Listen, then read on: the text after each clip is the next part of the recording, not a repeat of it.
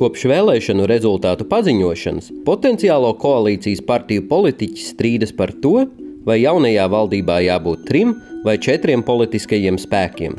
Mēs Rebaltika faktu pārbaudas projekta Rīčeka žurnālisti analizējām, cik korekta ir viņu retorika un vai pārmetumi kolēģiem vienmēr ir pamatoti. Mani sauc Ronalds Siliņš, un šodien stāstīšu arī par kāda Eiropas parlamenta deputāta it kā šokējošo atklājumu par Covid-19 vakcīnām kas ļāvis uzgavilēt daudziem vakcīnu skeptiķiem.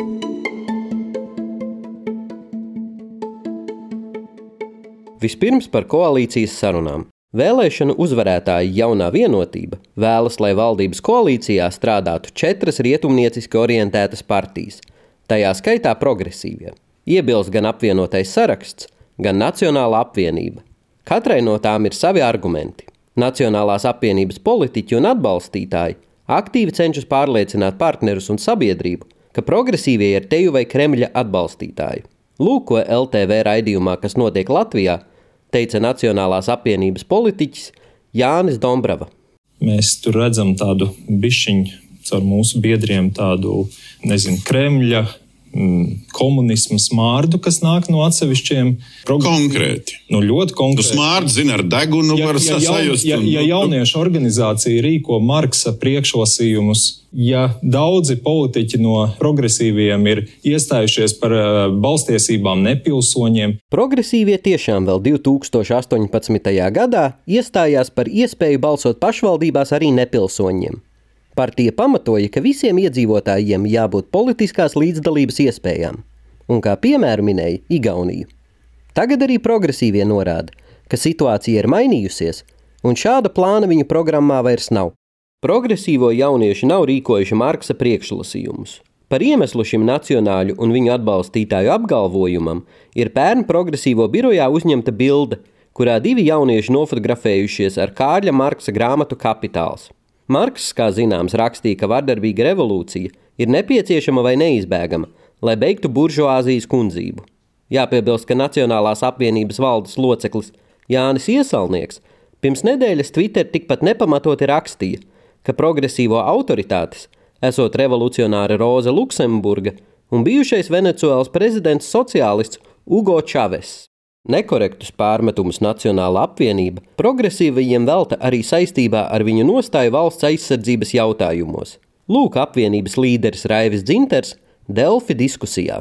Pretestība valsts aizsardzības dienestam bija uh, gluži svaigs notikums. Patiesībā progresīvie atbalsta un arī iepriekš ir atbalstījuši valsts aizsardzības dienestu. Citādi ir ar obligāto aizsardzības mācību skolās, un šajā ziņā maldina arī paši progresīvie. To pārstāvis Andris Sprūts pirms nedēļas TV24 raidījumā Kārtības rullis sacīja: Mēs esam iestājušies par valsts aizsardzības dienestu, mēs esam iestājušies arī par valsts aizsardzības mācību, bet jā, tas nenozīmē, ka vienmēr tādā redakcijā, kā tas tiek piedāvāts. Mm -hmm. Tas, ka mums ir cits redzējums par to, kādā veidā tam ir jābūt īstenotam, tas ir cits jautājums.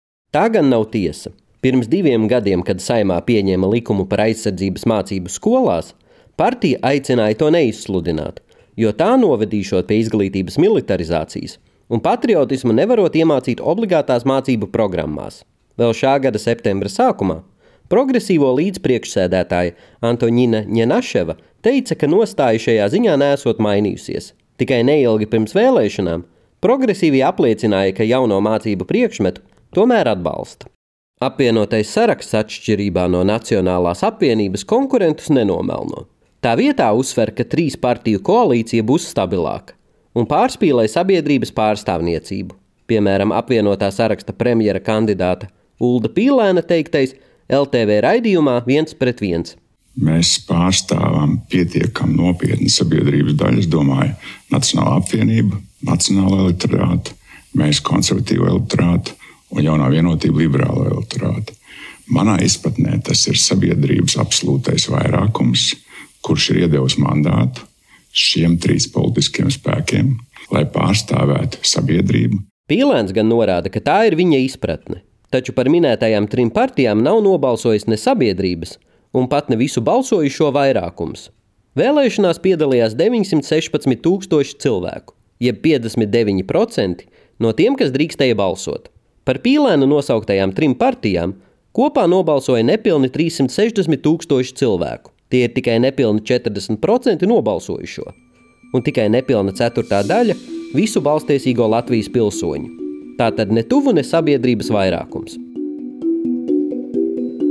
Tik tālu par retoriku valdības veidošanas gaitā. Turpināšu par Covid-19 vakcīnām. Pirms dažām dienām daudzu vakcīnu skeptiķu sajūsmu izpelnījās kāda ziņa par Pfizer vakcīnas pētījumiem.